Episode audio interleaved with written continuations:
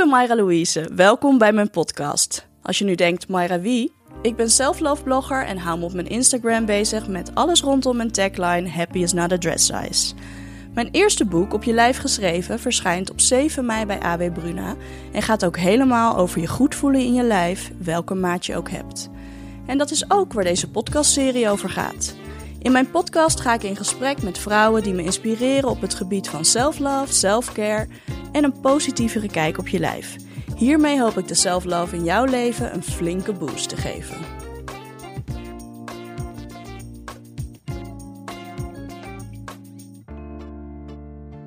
Welkom bij mijn podcast. In deze eerste aflevering duik ik samen met Danielle Heemskerk van bureau Body Positive in de wereld van zelfbeeld, eetgedrag en body positivity.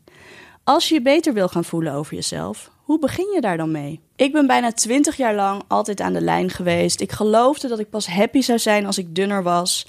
En pas rond mijn dertigste ontdekte ik dat dit grote onzin is. In mijn boek en in deze podcast deel ik met jou mijn grootste inzichten van de afgelopen jaren. En ik voelde me jarenlang echt heel alleen in mijn struggle, maar ik heb juist ontdekt hoeveel vrouwen eigenlijk worstelen met hun lijf en zelfbeeld. Daarom ben ik voor mijn boek ook in gesprek gegaan met andere vrouwen en experts op het gebied van lichaamsbeeld. Een van die vrouwen is dus Danielle Heemskerk van bureau Body Positive. Danielle, fijn dat je er bent. Dankjewel. En dat je wilde komen op deze vrijdagavond. um, zou je zelf willen introduceren? Wie ben je? Ja, nou, ik ben dus Danielle Heemskerk en uh, sinds 2015 trotse eigenaar van bureau Body Positive. Uh, wat ik heb opgezet om uh, vrouwen te helpen om hun lichaamsbeeld te verbeteren en een ontspannen relatie met eten te krijgen. En vooral om een, een steentje bij te dragen aan het veranderen van onze hele cultuur rondom schoonheid, lichamen, eten, hoe we met gezondheid omgaan. Omdat ik denk dat dat wel uh, hard nodig is. Ja. Um, waar wil je dat mensen je van kennen? Oh, wat een goede vraag. Jeetje. Jeetje, wat moeilijk zeg. ik ga er meteen vol ja, in. zet me meteen maar aan het nadenken. Net voor het weekend. Ja, jij dacht lekker ontspannen hier naartoe te wandelen, maar ik zet je meteen aan het werk. Ja. Nou, ik denk, als ik kijk naar, uh, als ik even inzoom in ieder geval op de body positive beweging en hoe die ook in Nederland uh, steeds groter aan het Mhm. worden is. Dan kan ik me voorstellen, wat ik in ieder geval tot nu toe ook meemaak, dat Um, kijk, er zijn natuurlijk steeds meer vertegenwoordigers van die beweging in Nederland, gelukkig. Ja, ja. En ik ben ook blij dat dat een hele diverse club aan mensen is. En uh, ik ben zelf natuurlijk slank en heel mijn leven slank geweest. En ik kan me voorstellen als het gaat om body positivity en gedoe met eten... Um, dat ik die stem zou kunnen vertegenwoordigen en dat mensen mij daar misschien van kennen. De Ja. slanke vrouw die ook kan balen van haar lijf en Ja, uh, precies. met eten kan worstelen. Uh, want jij begeleidt dus vrouwen met hun eetbuien en eetobsessies. Ja. Uh, ik heb je ook geïnterviewd voor mijn boek Ja. als deskundige, maar je hebt daarin ook je persoonlijke verhaal gedeeld. Ja. Zou je um, ja, dat aan de luisteraars willen introduceren, kort, wat jouw verhaal is eigenlijk op persoonlijk gebied? Ja, tuurlijk. Um, ja, ik denk dat ik ergens een jaar of uh, 14 was. Dat op de een of andere reden de gedachte in mijn hoofd sloop dat het wel echt heel belangrijk is dat ik slank bleef. Mm -hmm. En dat ik ook slanker werd, want ik wilde wel echt nog wat dunner worden toen. Dat was eigenlijk al vrij jong. Ik was als meisje gewoon altijd best wel onzeker en heel bescheiden. En erg uh, aan het twijfelen over wie ik was en of ik wel goed genoeg was en leuk genoeg en slim genoeg. En op de een of andere manier werd mijn uiterlijk en mijn lichaam iets om een hoop uh, controle over te kunnen hebben. Dus ik begon denk ik rond mijn vijftiende met uh, mijn eerste lijnpoging. Mm -hmm. uh, minder eten, dat was het doel. Minder eten en alleen maar gezond. En uh, daar is het eigenlijk een beetje begonnen. Dat ging dan meestal in het begin een paar maanden, ongeveer een half jaar ging dat goed. Ja. Veel sporten, zo min mogelijk eten. En dan viel je wat af. En dan viel ik wat af. Ja, en dan uh, was ik natuurlijk erg blij en trots. Kreeg ik complimentjes over. Want ondanks dat je dus eigenlijk al hartstikke slank was, kreeg je dus wel complimenten als je nog dunner werd. Ja, zeker. Ja, ik wisselde gewoon steeds een beetje in fases van maat 38 naar maat 34 en weer terug naar maat 38. Ja. En um, Maar ja, meestal na een paar maanden van veel sporten en weinig eten, ja, je kent het zelf uh, volgens mij wel al te goed. Gewoon heel erg honger. Heb je gewoon heel erg een soort van constant hangry of zo.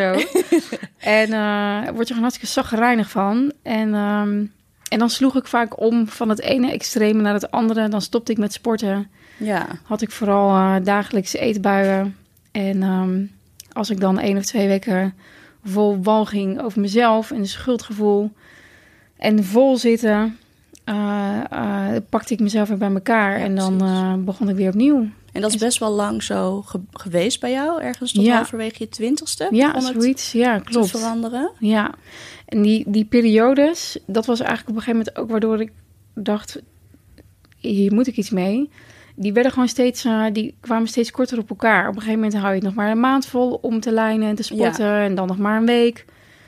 Totdat je zeg maar op dat punt komt dat je, tenminste dat God voor mij zo, dat ik op maandagochtend wakker werd en dacht, nu echt, nu ga ik echt weer beginnen. Nu moet het echt Ja. weer, het regime en de, weet je wel, de broekriem moet weer aan. Ja. En op maandagmiddag had ik alweer uh, een eetbui.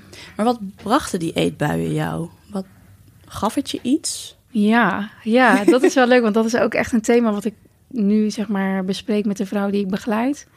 Er zit vaak zoveel besloten in een eetbui. Voor mij was het aan de ene kant een um, hele rebelse middelvinger naar al die verwachtingen die ik voelde van de buitenwereld. Mm. Of die nou realistisch waren of niet, ik, ik voelde ze wel. Om goed te presteren op school, om slank te zijn, om leuk te zijn, om grappig te zijn, om het goed te doen een goede dochter te zijn, weet je, om in alle opzichten een beetje het soort van ja. superwoman syndroom, wat volgens mij een hoop vrouwen kennen, goed willen zijn in alles. Maar ook um, uh, een eetbui was voor mij ook echt een moment om me op te sluiten en uh, te ontspannen. Ja. En uh, even nergens aan te hoeven denken, niet aan mijn verantwoordelijkheden die ik had, um, maar ook om dingen uit te stellen. Geen zin hebben om voor een toets te leren, dan eerst maar gaan eten. Ja. Weet je, ja. Maar hoe voelde je je dan na een eetbui? Um, ja, dat, waren, dat zijn natuurlijk de lows, echt, Ja. hè, na de eetbui. De walging. Ik voelde me altijd heel erg slecht. Ik had altijd Ja. nou ja, een beetje hetzelfde patroon wat jij Ja. hebt gehad. Alleen was het bij mij vaak, als er dan stress was, ging ik eten. Hmm. Uh, dus had ik een eetbui en dan had ik die eetbui gehad en dan voelde ik me rot om die eetbui. Maar dan deelde ik dus niet met wat er echt aan de hand was. Dus het was echt een soort van het lam leggen van mijn emoties. Uh, Een soort tw- 20 jaar lang. verdovingsmiddel is soort het, verdoven, Ja. ja. Ja. Maar ook heel erg niet dealen met wat er dan echt in mijn leven aan de hand Ja. is. Dus eigenlijk wilde ik dat gewoon niet aangaan. En verlegde ik heel erg uh, die focus naar mijn lijf. Dus daardoor ging het ook heel erg altijd over mijn lichaam. ja. Uh, en pas toen ik inzag dat mijn lijf helemaal niet het belangrijkste in mijn leven was. En dat dat lijf dunner zou worden. Toen begon er bij mij pas iets te veranderen. Hoe ging dat bij jou? Nou, ik vind het wel heel herkenbaar wat je allemaal zegt. Dat God voor mij ook wel. En voor mij was het ook wel uh, dat ik me realiseerde dat um, hoe meer ik zeg maar mezelf opleg om niet te mogen eten. Want iedere dag was zeg maar een gevecht tegen de eetbui. Het Ja. voorkomen dat je de eetbui gaat hebben of dat je gaat overeten. En hoe meer ik mezelf zeg maar oplegde om dat niet te doen, hoe groter die strijd eigenlijk wordt. En op een gegeven moment denk je, ja, wat de fuck, laat maar zitten ook. Ik doe het gewoon. Kom Ja. maar op met die friet. En je Ja. bent de strijd beu, zeg maar. Je hebt heel de dag dat elastiek zeg maar heel strak aangespannen gaan. En op een gegeven moment springt het los. En, en, Ja. en na, dat, na zo'n eetbui was voor mij altijd, voelde altijd een soort van uh, wakker worden. Ik weet niet of je dat herkent. Je hebt in een soort van roes even gezeten. Ja, als je eet, dan ben je echt een soort van on a high of zo. ja. Niet dat Ja. ik heel veel verstand heb van highs, maar... Ja, Ja. nee, niet op die manier, ja. ja, echt een... uh, en, en ik kon ook altijd heel goed dat stemmetje negeren wat zei... Daan, volgens mij ga je hier straks niet goed van voelen. Dat Ja. kun je heel goed... Je kunt jezelf echt Ja, voor de dat gek kon ik ook heel goed wegdrukken. Ja. Ja. Maar dan word je op een gegeven moment wakker. En als ik dan overzag of bedacht wat ik allemaal gegeten had... Ja, dan... Uh, dat was de low, hè. Dan Ja. komt zeg maar de... En hoe heb jij dit weten te doorbreken? Ja, dat is een soort van ook toevallige samenloop, denk ik, van omstandigheden. Ik merkte wel een beetje um, dat ik steeds in dezelfde cyclus zat. En iedere keer um, had ik vooral, zeg maar, na een fase van eetbuien, dat ik dacht, ja, daar gaan we weer. En ik werd steeds, zeg maar, vermoeider. Ik vond het steeds moeilijker om de lijnfase weer op te pakken. Ja. Ehm, en ehm, op een gegeven moment kwam ik wel op een punt dat ik een beetje kon uitzoomen. En dat ik dacht, ja, als ik zo doorga, dan, dan ben ik straks 80. En dan, dan ging het om de calorieën in een cupcake. En eh, weet je wel, dan ging het om wat ik woog. Is dat dan alles? Het, ging, zeg maar, het werd zeg maar echt steeds duidelijker hoe een schaduwrand het geeft aan alles wat je doet en wat je beleeft en wat je meemaakt. En ehm, toen ben ik per toeval met de body positive beweging in aanraking gekomen. Ik zag een filmpje van Taryn Brumfitt van de Mhm. Body Image Movement. Ja. En dat vond ik toen, eh, ja, nou, dat was echt zo baf, in your face. Weet je wel, dit gaat over jou. En dat vond ik super inspirerend. En, ehm, en bij mij heeft wel een beetje het vuurtje aangewakkerd toen ik, leer, toen ik een beetje daardoor in de oppervlakte leerde over de impact van schoonheidsidealen. Omdat Ja. mooi zijn en slank zijn voor mij altijd zo belangrijk zijn geworden in mijn leven. En in, in gewoon hoe ik over mezelf dacht. Ja, dat maakt een soort van iets los. Een soort van iets nieuws om je aan vast te klampen. wat niet de ellende van het lijnen Ja. en de eetbui is. Ja. En nu nou ja, ben je een paar jaar verder, of een aantal jaar verder. En je begeleidt nu dus vrouwen die eigenlijk diezelfde struggle kennen. ja. Ehm, recent deelde je op, eh, op Instagram een post waarin je schreef: We geven ons lichaam en ons uiterlijk veel te veel macht. Ik eh, vond dat heel herkenbaar, omdat Oh, ja. ik altijd de voorwaarden stelde van ik moet dunner zijn en dan krijg ik het leven wat ik echt wil. Ja, oh ja. Ehm, dus ik dacht van, nou, als ik dunner ben, dan ga ik de kleding dragen die ik echt wil. Dan durf ik op een man af te stappen in een kroeg. Dan ja. word ik echt gelukkig. Ja. Ehm, en ik denk dat jij dat dus ook eh, vroeger wel hebt gehad. Ja. Ehm, maar wat zijn nu de dingen waarvan jij zegt... eh, dit zijn echt mijn tips voor het dumpen van die voorwaarden? ja, dat is wel een goede vraag. En dat vind ik Hoe heb jij ze Ja. gedumpt? Laat ik het zo zeggen. ja. Nou, ik denk dat het in dat proces, en ik weet niet of je dat misschien herkent, ook gaat om ehm, in de spiegel durven kijken en durven, durven erkennen naar jezelf toe wie je echt bent. Want voor mij stond op die stippenlijn van als ik mijn ideale lichaam heb dan, stond, stonden altijd dingen die ik eigenlijk niet ben.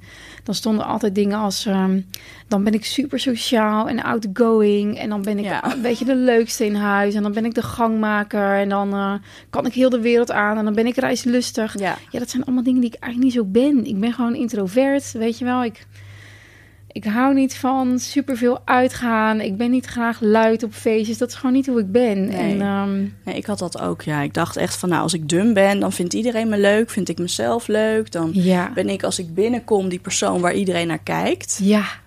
Terwijl dat wil, eigenlijk wil je dat helemaal niet helemaal vaak. niet bij nee. mij. Nee. ja. Nee, dus dat is wel. eh, maar Ja. hoe, hoe heb jij eh, dat aangepakt? Ehm, ja, goede vraag. Dat is ook een soort van combinatie van een hele hoop dingen. Maar onder andere goed bij mezelf onderzoeken van wie ben ik nou eigenlijk? Wie is Danielle als ze niet met lijnen bezig is? Want dat is natuurlijk ook een beetje... Ja, want als je lijnt, neemt dat heel erg je hoofd over. Dat is een soort van wat je doet. Ja, Tenminste, dat was het bij mij. Als ik aan de lijn was, dan stond ik op met... oké, wat ga ik nu eten? En dan was ik mijn ontbijt aan het eten. Oké, wat mag ik bij de lunch? Oké, wat heb ik vanavond? Oh, ik heb een afspraak met een vriendin. Eh, Oeh, mag ik dan iets slechts eten? Of, eh, nou ja, zo. En zo was ik de hele dag bezig Ja. met alles wat ik wel en niet at. ja, Eh, dus toen ik ook stopte met lijnen, toen kwam er ineens heel veel ruimte in mijn hoofd en in mijn leven ook. Ja, bizar hè? Dat heb ik ook echt zo ervaren, ja. Ja, en ik ben in ieder geval wel begonnen met...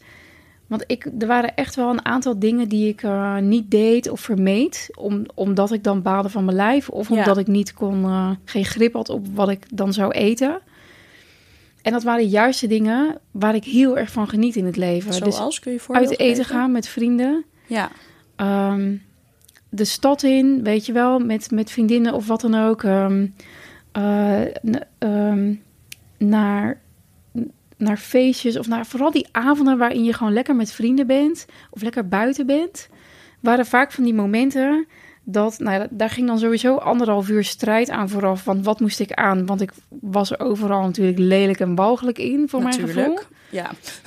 Plus het was de vraag, ja, maar dan moet ik eten. Ja. En dat wil ik niet, want dat gaat waarschijnlijk weer omstaan in een eetbui. Dus ik ben in ieder geval begonnen met die dingen te gaan doen. Weet je wel, die dingen waarvan ik normaal altijd zei... ehm, die doe ik niet, want ik wil eerst slanker zijn. Ga Ja. die maar gewoon wel doen. Of een bepaalde sportles of zo in een sportschool. Want dat was ook zo'n rare voorwaarde. Ik wilde dan sporten om slanker te worden. Maar er waren dan bepaald soort sporten of sportlessen... waarvan ik dacht, ja, maar ik moet eerst slank zijn... Voordat je voordat ik daaraan mag. kan beginnen. Logisch, ja. Logisch. oh, het ging echt nergens over. En waarom denk je dat het voor heel veel mensen, zoals het ook voor ons is geweest, zo moeilijk is om te stoppen of los te breken uit dat dieet en lijn eh, en eventueel eetbuipatroon? Ja, ik denk wat ik in ieder geval zelf heb ervaren en ook nu merk bij de vrouwen die ik begeleid, het vraagt zoveel weerbaarheid, want het is zo overal. De schoonheidsnorm en de gezondheidsnorm, het, zit, het is overal. Het is in alles verweven. In hoe we praten Ja. over lichamen en gezondheid, in hoe we denken. In de kleinste rotopmerkingen eh, die je in bijzijn van andere mensen kunt krijgen. Als je een stukje taart neemt, weet je wel, zou je dat wel doen? Of oeh, ga je morgen wel weer sporten? Weet Ja. je, allemaal dat soort rottige dingen. Het zit zo verweven in onze cultuur dat het heel veel moed en een soort dikke huid vraagt om te zeggen: daar keer ik me van af en Ja. ik doe er niet meer aan mee. Het is, je kunt jezelf er niet helemaal buiten plaatsen. Nee, omdat, want het is er sowieso. ja, ook dus bij je familie en je vrienden, ja. Ja. ja. Dus het, daarom is het denk ik vooral heel moeilijk. Het vraagt gewoon een hoop weerbaarheid. En hoe doe je dat met de vrouwen die jij begeleidt? Want die zullen daar ook tegenaan lopen. Eh, wat voor tips geef je dan om eh, nou ja, los te breken uit hun eh, dieetleed? Ja, Mm, dat is een beetje lastig om te zeggen, omdat het vaak niet zozeer de tips zijn, weet je, die helpen, omdat het zo eh, persoonlijk is ook vaak en zo verweven is met hoe je eigen leven eruit ziet. Mhm. Het is echt een proces van eerst maar eens leren hoe het komt dat je zo baalt van je lijf. Hoe Ja. komt dat? En leren dat dat niet alleen aan jou ligt, dat dat niet tussen je oren zit, dat dat niet een klein of onbelangrijk probleem is. Want dat is ook wat ik vaak meemaak. Dat vrouwen zeggen, ja, ik stel me eigenlijk aan... en is het niet oppervlakkig van mij dat ik zo met mijn lichaam bezig ben? Ja. Nee, dat is het niet. Mocht je dat nu denken. Nee, dat is het niet. Dus eerst, zeg maar... Wat ik merk in ieder geval bij de vrouwen die ik begeleid... en wat voor mij ook gold, is dat... zeg maar die externe krachten die aan het werk zijn... zoals schoonheidsnormen, gezondheidsnormen, dieetcultuur... om daarover te leren, om een beetje te kunnen verklaren voor jezelf... waarom is mijn lijf en eten zo'n ding voor mij... Dat helpt vaak al heel erg. Maar ook om te reflecteren op hoe was dat dan, hoe is dat in de loop van je leven ook gegaan? Want vaak hebben we ook van onze ouders van alles meegekregen. Was onze moeder constant aan de lijn? Ja. Ehm, hebben we misschien opmerkingen gekregen van mensen die vroeger belangrijk voor ons waren over ons lijf? Weet je, allemaal dingen die heel erg meespelen. Ehm, om vervolgens te kijken hoe is dat dan hoe heeft dat zich vertaald naar mijn Ja. eigen dieetmentaliteit? Hoe denk ik nu over lichaam en eten voor mezelf? Ehm, een tip die ik ook altijd geef is: ga mensen volgen online. Weet je, die lichaamsdiversiteit representeren en body positivity. En ga gewend raken aan het zien van lichamen in allerlei Ja. vormen en maten, zodat je ook gaat zien. Mijn lichaam is gewoon onderdeel Ja. daarvan. En, eh, Ja, dat mag heeft mij ook echt zo geholpen toen ik zeg maar die body positivity community ontdekte online. En heel veel plus-size modellen ging volgen, maar ook mensen die heel erg hiermee bezig zijn. Ja. Toen creëerde ik eigenlijk als het ware mijn eigen schoonheidsideaal. mijn ja. eigen bubbel waar Ja. ik in zat. En die zag er totaal anders uit dan wat ik op de cover van de meeste magazines zag. Ja. Maar ja, dat hielp echt enorm. Want het is een stuk herkenbaarheid. En wat ik fijn vind aan social media op die manier gebruiken, is dat je het zelf kan doen. Dus je kan heel erg bepalen wat je ziet. Kijk, als je op straat loopt, dan heb je het maar te doen met wat je Hmm. in advertenties ziet. Of als je naar een tv-serie kijkt, dan heb je het maar te doen met wat er voorbij komt in het reclameblok. Ja. Maar op je social media kun je echt gewoon de baas zijn. ja, heb je echt zelf de regie. Ja. En echt bepalen waar jij je hoofd mee voedt. En dat Ja. heeft mij in het begin wel echt enorm geholpen. Ja. Ja, Ja. zeker. Mij ook. Daarom is het denk ik ook zo goed dat, dat we het blijven doen. Dat mensen zich daarvoor blijven uitspreken. En jij adviseert de vrouwen die je begeleidt dan ook echt bijvoorbeeld om op social media in die body positivity te duiken of om boeken te gaan lezen? Of op wat voor manier speelt die body positivity een rol? Um, ik, heb, uh, ik laat ze op social media mensen volgen, als ze op social media zitten überhaupt. Ja. Er zijn natuurlijk mensen die daar niet zoveel uh, mee hebben en dan is het vaak al wat lastiger. Um, maar ik laat ze ook kennis maken met body positivity. Daar heb ik natuurlijk zelf wat materiaal over geschreven voor ze. En ja. ik laat ze boeken aan die ze daarover kunnen lezen. Dus uh, ja, ik moedig ze zeker aan om daar uh, zich meer in te verdiepen. Dat wat merk je dat dat doet bij die vrouwen? Nou, het eerste is, voor, is vaak, dat vond ik zelf ook zo fijn om te merken, is dat ze echt zien, ik ben niet alleen. Ja. Ik ben niet, dit zit niet in mijn hoofd, ik ben niet alleen hierin, dit hebben meer vrouwen.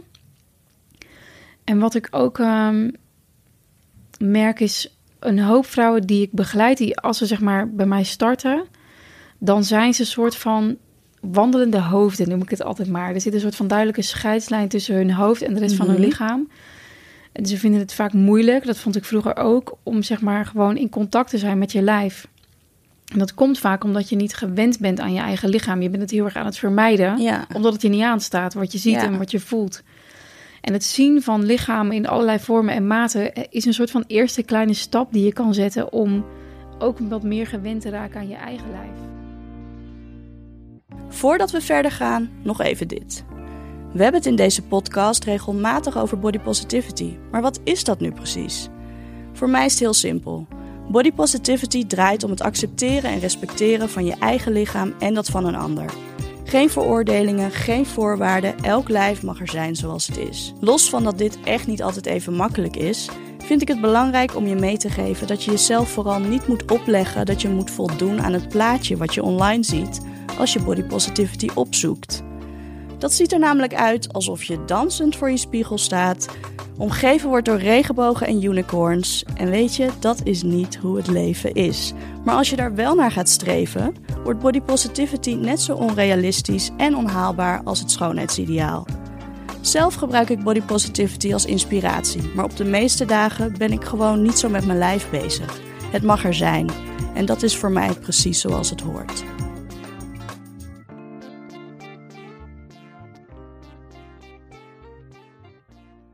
Ja, ik herken dat echt wel heel erg van die wandelende hoofd. Ik was ook een wandelend hoofd. Ik keek vroeger ook altijd uh, naar mijn gezicht in de spiegel en de rest oh, negeerde ik volledig. En toen ik begon ook met die hele body positivity, uh, heb ik mezelf echt een beetje geforceerd om naar mezelf te gaan kijken. Um, en natuurlijk zag ik in het begin dan ook echt de dingen die ik niet mooi vond. Maar ik ging ook een beetje uitzoomen en ik leerde mezelf gewoon te wennen aan mijn lijf door er naar te kijken. Ja. Uh, dus ik, ik, ik ging het niet langer vermijden. Ja. En dat is een van de dingen die voor mij wel heel veel heeft gedaan. En nu uh, ben ik een jaar of zes, zeven verder. En als ik nu naakt voor de spiegel sta, dan zie ik mijn lijf gewoon zoals het is. En ik zie nog steeds die buik waarvan ik denk esthetisch gezien had het mooier gekund, tussen aanhalingstekens. Maar ik stoor me er niet meer aan zoals vroeger. Vroeger kon ik er echt niet naar kijken. En ik denk dat het zien van uh, andere vrouwen met zo'n buik, of cellulitis, of um, mijn figuur, of juist iemand met een heel ander lijf, maar die dat volledig omarmt, dat dat onwijs veel heeft gedaan voor uh, liever kijken naar mezelf. En ook niet meer. Ik merk ook, vroeger kon ik altijd heel erg schrikken van foto's. Oh ja. Dan dacht ik, holy shit, zie ik er zo uit? Ja. ja. En nu, doordat ik zo eigenlijk zoveel naar mezelf kijk, eh, kan ik niet meer schrikken ja. van een onverwacht plaatje. Omdat ik mezelf inmiddels eigenlijk ken vanuit elke hoek. Ja. En er dan ook wel om kan lachen of zo. Als ik dan bedenk hoe ik eruit zie. Uh, als ik bovenop mijn vriend zit. Ja. ja, maar dat herken ik ook wel. Dat ik me echt. Uh, dat je op een gegeven moment kunt neerleggen bij. Ja, dit is gewoon hoe mensen mij uh, dagelijks zien. Ja. En de mensen die van mij houden, houden nog steeds van me. Ook als ze me zo dagelijks Precies, zien. Want vroeger dus, dacht, ging ik niet naar feestjes omdat ik bang was wat anderen dan van me zouden denken. Ja. Terwijl al die andere mensen vonden me al tof, waren al mijn vrienden, wilden ja. tijd met me doorbrengen. Dus ik was alleen maar lelijke shit over mezelf aan het zeggen. En mezelf gewoon nou ja, een avond voor mezelf gewoon aan het verpesten... door dan thuis te blijven en te balen dat een jurk me niet stond. Ja, inderdaad. En dan anderhalf uur voordat je weggaat, al zwetend allerlei outfits uitproberen en niks is goed genoeg. Ik heb echt van die momenten gehad dat ik dacht, ik wou dat ik gewoon mijn, mijn lijf thuis kon laten. Gewoon met mijn hoofd naar een feest. En dat niemand dan verder de rest Daar hoeft te zien. denk ik juist van op. Ja, dat denk ik ook. Maar ik zeg het ook altijd tegen de vrouw die ik begeleid. Kijk naar jezelf, heel vaak en naakt. Ja, Het is gewoon net als een beetje met angst voor spinnen of vliegen. Eh, en dan bedoel ik in vliegtuigen. Eh, weet je, als je het uit de weg gaat, wordt je angst alleen maar groter. En dat is vaak ook voor Ja. de angst om naar je lijf te kijken zoals het is. En, ja eh, precies.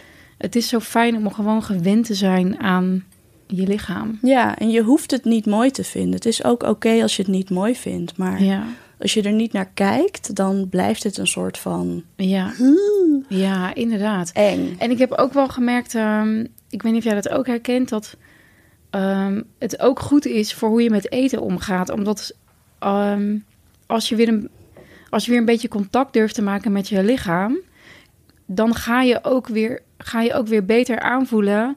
Heb ik honger of zit ik vol of heb ik dorst of niet? Want dat was ik ook echt volledig kwijt door het lijnen en de eetbuien. Ik wist niet eens meer goed hoe het voelde om echt eh, vol te zitten. Nee, precies. Honger wel, want dat, ik was altijd heel trots op mezelf als ik honger ja, ik had. was ook altijd je? trots als ik honger had. Ja. Met honger naar bed. Ja. ja. Ja.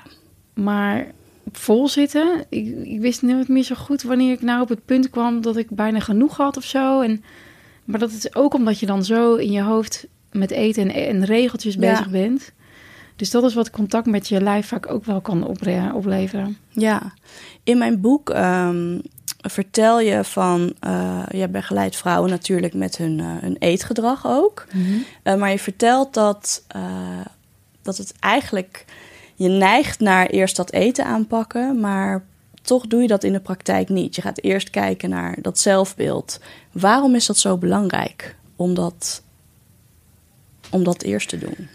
Ehm, omdat, eh, kijk, de meeste vrouwen die bij mij komen, dat herken ik heel erg van mezelf vroeger, die zeggen: Ik heb eetbuien. En ik wil gewoon van die eetbuien af, Ja. want waarschijnlijk ga ik dan ook afvallen. Ja, Maar mijn ervaring is dat je kunt wel aan de slag met ontspannen eh, gaan werken aan meer ontspannen met eten omgaan. Maar als je daar nog steeds ingaat met het idee dat het je lichaam gaat veranderen en dat je ervan gaat afvallen, dan heeft dat helemaal geen effect. Want dan is het gewoon nog steeds je volgende dieet en je volgende lijnpoging. ja, Dus om dan. ehm, dus dat heeft niet zo heel veel zin. En bovendien heb je, wat ik net ook al zei, je hebt een goed contact en een goede relatie met je lijf nodig om ontspannen vaak te kunnen eten. En om te weten wanneer je honger hebt en waar je zin in hebt en wanneer je vol zit. Dus daarom begin ik altijd met lichaamsbeeld. En Ja. niet iedereen vindt dat fijn in het begin. Meestal op een gegeven moment ervaren mensen wel van ja, dat is misschien wel eh, wat ook fijn is en wat ook beter Ja. werkt. Maar ze komen natuurlijk met hun probleem. Dus hebben zoiets van: ik wil van dit probleem af. En ze denken dat het probleem eten is. Ja, en ze denken altijd dat hun probleem is dat ze te dik zijn.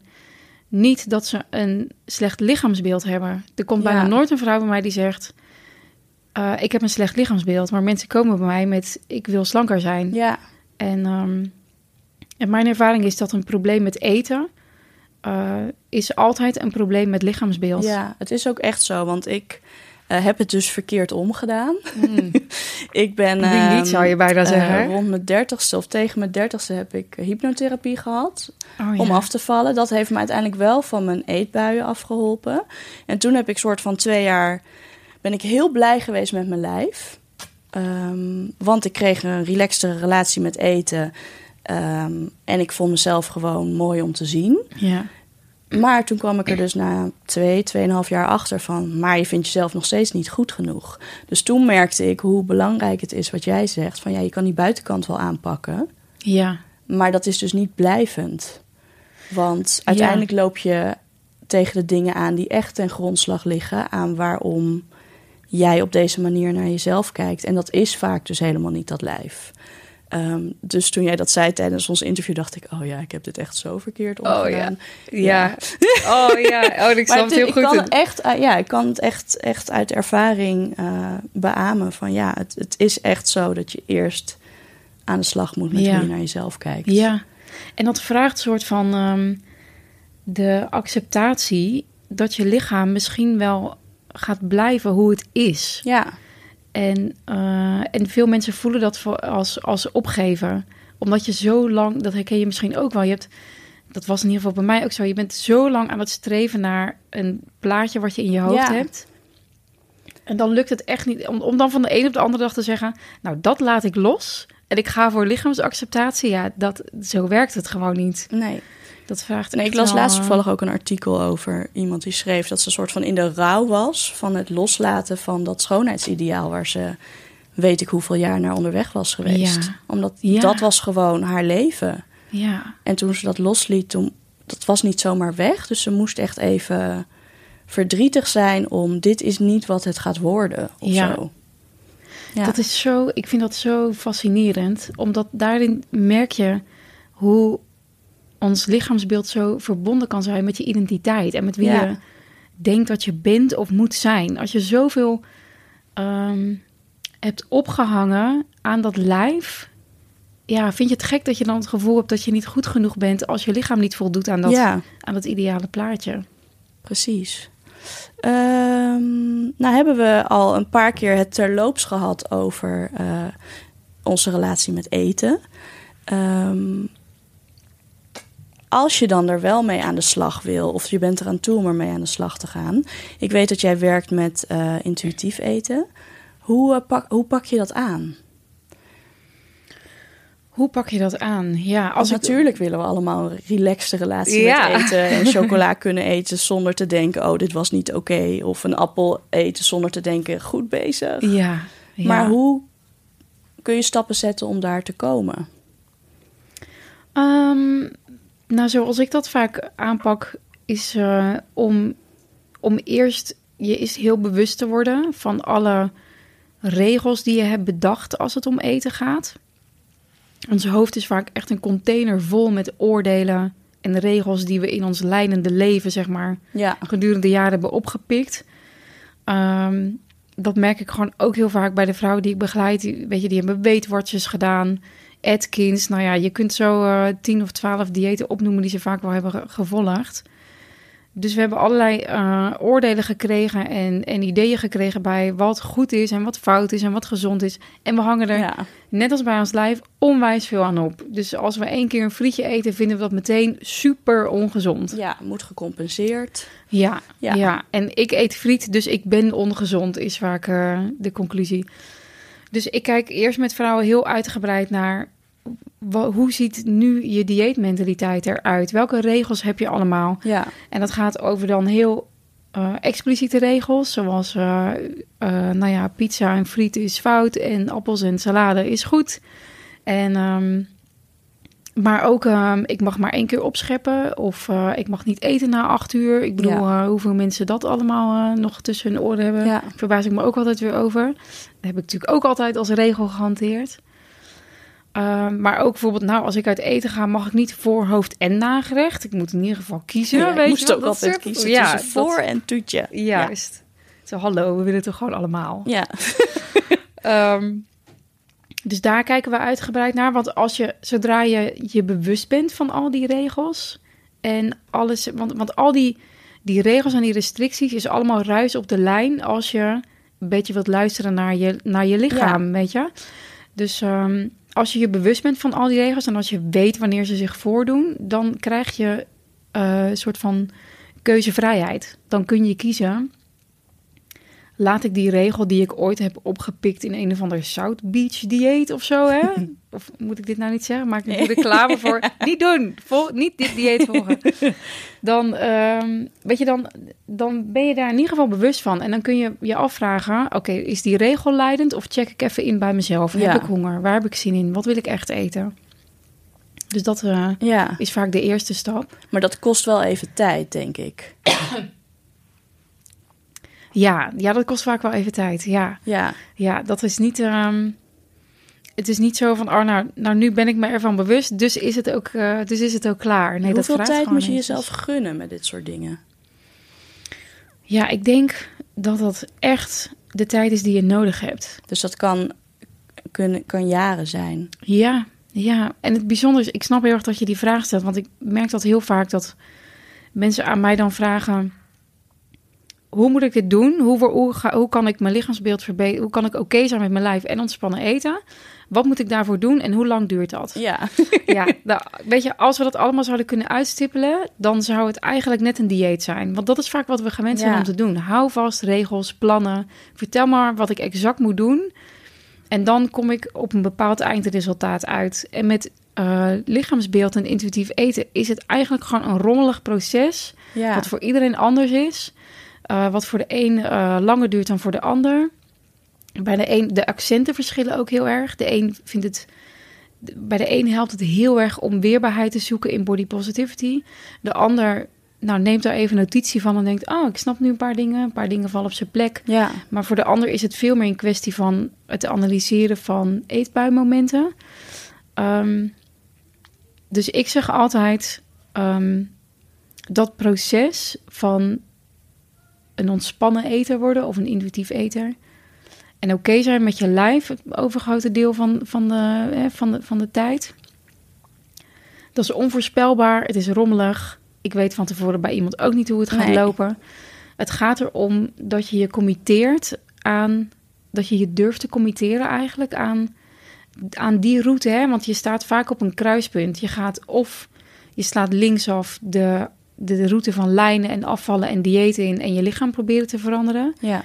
Of je slaat rechtsaf en je gaat de route bewandelen van lichaamsacceptatie, oké zijn met je lijf, ontspannen met eten omgaan in plaats van krampachtig volgens allerlei regels of een eetplan. En die route, zeg maar, eh, de ene kant op die lijnroute, die is vaak heel duidelijk uitgestippeld. Want er Ja. is een heel duidelijk voeding, voedingsplan of een boek. Of ja, je mag zoveel calorieën, Ja. zoveel punten. Ja, en als je dit allemaal volgt, dan voorspellen we dat je in drie weken ongeveer 8 kilo afvalt, et cetera. Ja. Dus dat is allemaal heel duidelijk en uitgestippeld. Het is een soort van de dieet houvast Ja. waar we lang verslaafd aan zijn geweest. Maar die andere route, die is onvoorspelbaar. En die is rommelig en die is chaotisch en die loopt voor iedereen anders. En daarvan kun je niet zeggen, volg deze tien stappen of doe deze die dingen, tien Ja. dingen en dan ben je daar. Weet je, Nee. het, is, het is zo persoonlijk. Je kunt ook vaak niet zeggen, nou, het duurt een half jaar en dan ben je klaar. Dan hoef je, je- dan hoef je daar nooit meer naar om te kijken. Dus het is echt ook een kwestie van voor mezelf bedenken: wat wil ik in het leven? Wil ik constant blijven lijnen en diëten en constant op mijn gewicht blijven letten? Of wil ik vrijheid? En om die vrijheid te ervaren, dat is ook een kwestie van iedere dag en op moeilijke momenten de keuze maken om op dat kruispunt rechts af te slaan in plaats van linksaf richting, Ja. richting weer het afvallen. ja. Dus dat is, voor, dat is wel een, ehm, iets wat ik aan het begin vaak aan vrouwen meegeef. Ja, die route is onvoorspelbaar. Soms kun je niet verder vooruit kijken dan dat je nu bent. Nee. Dus het vraagt ook dat je even jezelf die tijd gunt dat je in het duister tast en dat je nog even niet zo goed weet waar het gaat eindigen. Nee, precies. En dat Ja. dat eigenlijk alleen maar positief is. Ja, ja, Ja. Ik zeg ook altijd, het gaat pas goed als het niet perfect gaat. Dat hoort erbij. Ja. Ja, Nee, voor mij is het ook altijd heel leerzaam dat ik op mijn bek kan gaan en weer opsta. En dan gewoon verder ga waar ik was gebleven. ja, En door dat gewoon te blijven doen, heb ik ook het gevoel van daarmee train ik mijn veerkracht. En ja, oh ja wordt het ook gezegd. makkelijker om. Om mezelf weer te herpakken. Omdat ik weet van het komt altijd wel goed. Ja. Of ik ga me wel iets beter voelen. Of ik heb mijn self-care rituelen om op terug te vallen. En zo Ja, lukt het me dan toch om weg te blijven bij eh, het dieet. Ja. Oh, mooi want bijvoorbeeld toen ik was bevallen, had ik ook echt wel even... dat ik dacht, oh, mijn lijf is helemaal anders. Oh, het voelt niet fijn. Oh, huh? Maar dat is normaal. En ik denk dat mensen dat ook moeten weten. Dat zelfs als je zegt, ik ga nooit meer lijnen... betekent niet dat je nooit meer dieetgedachten hebt. Ja, of dat je nooit meer de verleiding of de behoefte voelt om aan de lijn te gaan. Ja. ja. Nee, Ja. precies. En wat mijzelf ook altijd wel heel erg helpt, is op de dagen dat ik het bijvoorbeeld lastig vind. Ik bedoel, ik heb ook nog wel eens dagen dat ik denk eh, dat ik me weer zorgen maak over mijn lijf. Dat gaat nu veel minder over mijn gewicht dan vroeger. Nu gaat het over rimpels, weet je wel, en ouder worden en grijs haar en dat soort dingen. Team Ehm, eh, grijs. ja, weet je, als het niet je gewicht is, is het wel weer iets anders. Uh, maar wat mij ook vaak wel helpt is, ehm, als ik het lastig vind om zo'n dag om dat weer naar de, achter, eh, naar de achtergrond te verplaatsen, dat ik denk, ehm, dan doe ik het maar voor iemand anders. Weet je, ik vind het body positivity omarmen en, en kiezen voor rechtsaf gaan op dat kruispunt is, vind ik ook echt een daad van solidariteit naar andere vrouwen. Weet je wel, als het me dan even niet voor mezelf lukt, dan maar voor iemand anders. Ja. Want iedere keer als je een vrouw dat ziet doen, weet je wel, ook als je iedere keer als je een vrouw zeg maar zonder excuses zichzelf ziet zijn met haar lijf gewoon zoals het Ja. is, daarmee zeg je iedere keer tegen een andere vrouw: jij mag dit ook. Ja, als ik het mag, mag jij het ook. En daar kan ik daar kan ik zoveel kracht uit halen, ook door het begeleiden van de vrouwen die ik dan nu eh, help. Als je dat ziet gebeuren, Ja. als je die weerbaarheid ziet opbouwen, en als ze zich gaan uitspreken, als ze zeggen: Ik was gisteren op een feestje en iemand zei: Zou je dat wel doen, eh, die chips of die taart? En als ze dan zegt: Ik heb er wat van gezegd, ik heb gezegd. Ik wil gewoon oké Ja. zijn met mijn lijf en genieten van, van feestjes en van eten. Ja, daar word ik echt, Ja. daar word ik heel gelukkig van. Ja, dat doet echt heel veel. Ehm, nou ja, wat ik dus heel graag wil met deze podcast is de luisteraars tips meegeven. Zo van dit kun je doen, hier kun je mee aan de slag om je wat beter te gaan voelen over je lijf. Jij hebt net al superveel gezegd. Ehm, maar stel, ik ben een luisteraar, ik ben helemaal aan het begin van deze route. Wat zou je me dan mee willen geven? Ehm, hoeveel tips mag ik geven? Ehm, ik zou wel een uurtje willen vullen. Nog met dit soort. Maar ehm, ik denk. Nou ja, het eerste is. Ga jezelf omringen met mensen die je inspireren hierin. Ehm, online ook. Als je accounts volgt waarvan je je vooral rot gaat voelen over jezelf. Delete. Weet je wel? Ga mensen volgen die. ehm, waarvan, je, waarvan je dus voelt. Zij zijn solidair aan mij en hoe ik mag zijn met mijn Ja. lichaam in de wereld. Ik zeg mensen ook altijd: ga om je heen kijken in je dagelijkse leven. Als je in de sauna bent of op het strand, daar zie je lichaamsdiversiteit zoals het is in de realiteit. Ja, Uh, dat vind je niet uh, op je social media feed waar je fit girls volgt. En uh, dat is niet de realiteit. Draag kleren waar je je goed in voelt. Ik heb uh, echt een te groot deel van mijn leven doorgebracht in te strakke spijkerbroeken. Weet je, daar moeten we echt mee kappen. Draag gewoon de maat die je hebt en waar je je goed in voelt. niet de maat Dat, waar je in wil passen. Juist, niet de maat waar je in wilt passen. Met, Of koop niet die gold jeans. Fuck gold jeans. die wat? Gold jeans. Oh, Dat gold had ik jeans. altijd. Ja, oh ja. Ja, gewoon. Ja.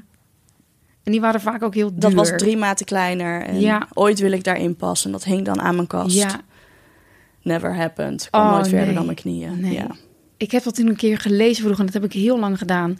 Zo'n jurk of broek, zeg maar, aan de buitenkant op een hangertje aan mijn kast hangen. Ja. Om je daar dan aan Dan te elke herinneren. ochtend kijken van... Ja. Hier wil ik in passen. Ja. Oh my god. Oh.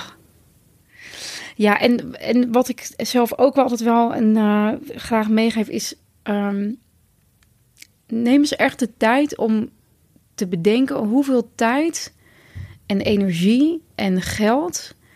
eh, zorgen maken over je lichaam en over eten en over je gewicht op dit moment inneemt in jouw leven. En ben je oké met de rol die het heeft in je leven? ja.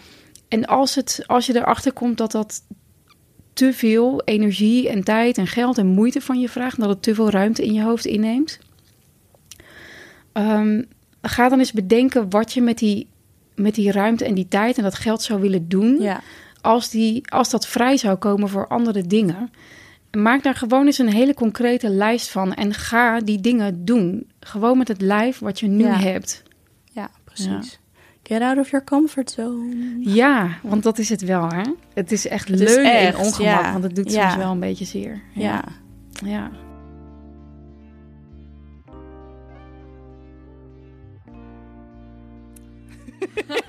Ik ga eh, als afsluiting nog even een vragenvuurtje op je gooien, werpen. Scary. Ehm Komt-ie. Bikini of badpak? Bikini. Titel of kont? Ah, ik hou van allebei. De kip of het ei? Jeetje. Kip. Innerlijk of uiterlijk? Ja, innerlijk. Da, da. Bank of bar? Oeh. bank met mijn eigen bar. Gewoon thuis. Mag dat ook? Dat mag ook. dat was hem.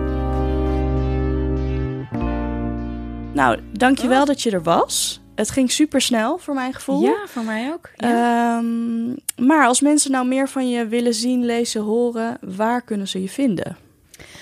Eh, nou ja, ik heb mijn eigen plekje op het eh, web. www.bodypositive.nl En op Instagram bij bodypositive.nl. Facebook, ja, nou ja, dat we- weten mensen allemaal denk ik wel te vinden. Ik zal het ook even in de beschrijving zetten, zodat mensen hem heel makkelijk door kunnen klikken. Ja, Nou, Danielle, dankjewel nogmaals dat je er was. Ik vond het weer heel tof om je te spreken. En ik leer altijd ontzettend veel van je. En het is gewoon een feest van herkenning. En ik ben onwijs blij eh, dat jij doet wat je doet. Want oh, je bent echt... eh, Maar dat is echt helemaal wederzijds. Thank you. Nee, maar het is zo... Ja, het is voor mij zo bizar als ik dan denk aan hoe ik vroeger was... en wat ik nu doe en wat voor vrouwen en mensen ik om me heen heb. Dan ben ik gewoon echt onwijs... Yay, ja, blij. maar daarom is het ook zo goed dat, eh, dat je boek er is.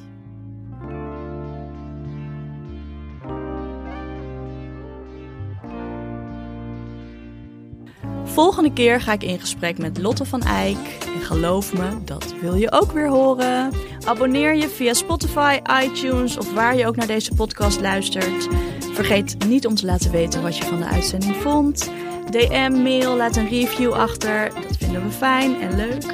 Eh, mijn boek Op je lijf geschreven verschijnt bij AB Bruna en komt bijna uit op 7 mei. Je kan hem al bestellen in de pre-order.